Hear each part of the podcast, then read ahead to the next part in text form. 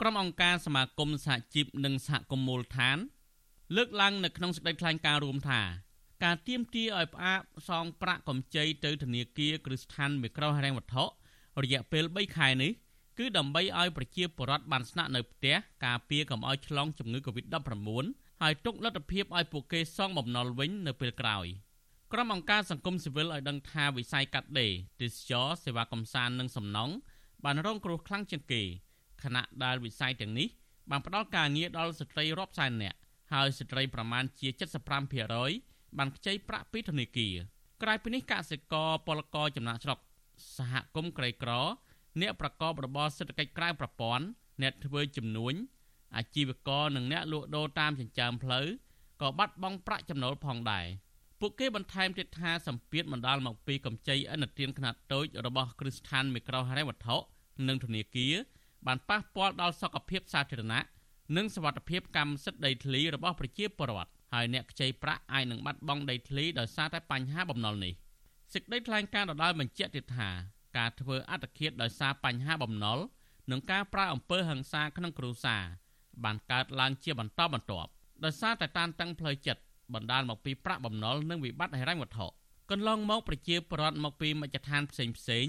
បានអំពាវនាវឲ្យរដ្ឋាភិបាលជួយសម្រាលបន្ទុកដល់ពួកគាត់ដែរប៉ុន្តែត្រូវបានបដិសេធហើយអាជ្ញាធរថែមទាំងខត់មនុស្សជាច្រើនអ្នកទៀតផងកាលពីពេលថ្មីថ្មីនេះមានយុវជនចំនួន6នាក់ត្រូវបានប៉ូលីសក្រុងភ្នំពេញឃាត់ខ្លួនបន្ទាប់ពីពួកគេចែកញត្តិអំពាវនាវឲ្យផ្អាកសងបំណុលធនាគារបន្ថែមពីនេះមានពលរដ្ឋខ្លះភ័យខ្លាចបាត់បង់ដីធ្លីផ្ទះសម្បែងរបស់ពួកគេដោយសារតែការសងបំណុលយឺតយ៉ាវ ក្រុមអង្គការសង្គមស៊ីវិលស្នើសុំយ៉ាងទទូចឲ្យរដ្ឋាភិបាលណែនាំទៅស្ថាប័នមីក្រូហិរញ្ញវត្ថុនិងធនាគារដើម្បីជួយសម្រាលបន្ទុកសេដ្ឋកិច្ចខ្លះដល់ប្រជាពលរដ្ឋឲ្យផ្អាកសងប្រាក់បំណុលរយៈពេល3ខែនិងជួយដល់ប្រជាពលរដ្ឋកុំឲ្យចេញក្រៅហើយឲ្យពួកគេស្នាក់នៅផ្ទះដើម្បីរក្សាសុវត្ថិភាព និងពង្រឹងស្ថានភាពទូទៅតាមការណែនាំរបស់រដ្ឋាភិបាលប្រធានផ្នែកសិទ្ធិមនុស្សនៃសមាគមការពារសិទ្ធិមនុស្សអាត់ហុកលោកនីសុខាយល់ថា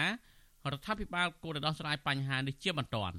ដើម្បីជួយសម្រួលដល់ជីវភាពរស់នៅរបស់ប្រជាពលរដ្ឋលោកបញ្ជាក់ថាដើម្បីដោះស្រាយរឿងនេះរដ្ឋាភិបាលគួរតែណែនាំចាត់វិធានការជាលក្ខដាក់ជូនម្ចាស់បំណុលដើម្បីអនុគ្រោះជួយដល់អ្នកខ្ចីប្រាក់ដែលរងគ្រោះដោយសារតែជំងឺ Covid-19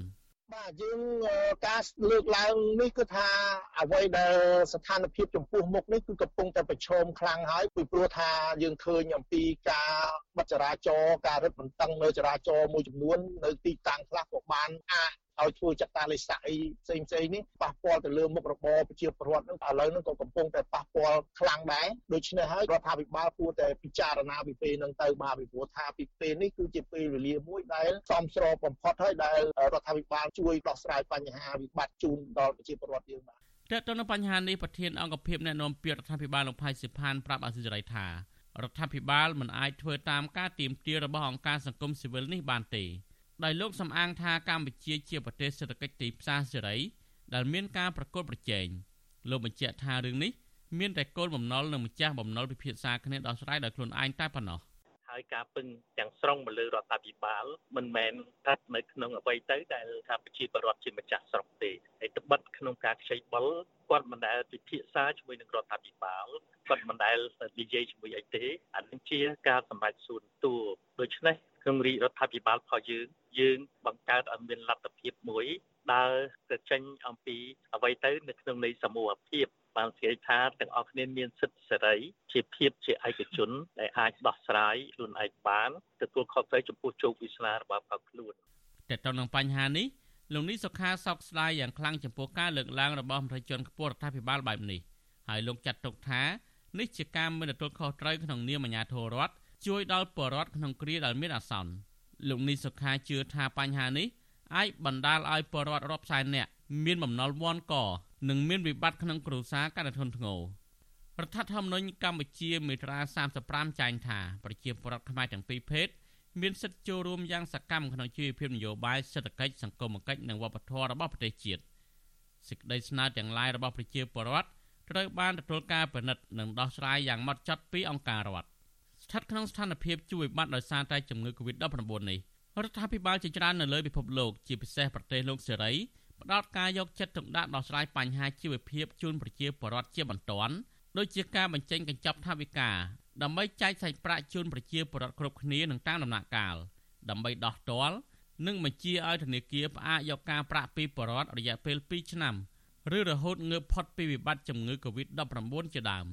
ខ្ញុំទីនសាការីយ៉ាអស៊ីសេរីពីរដ្ឋធានី Washington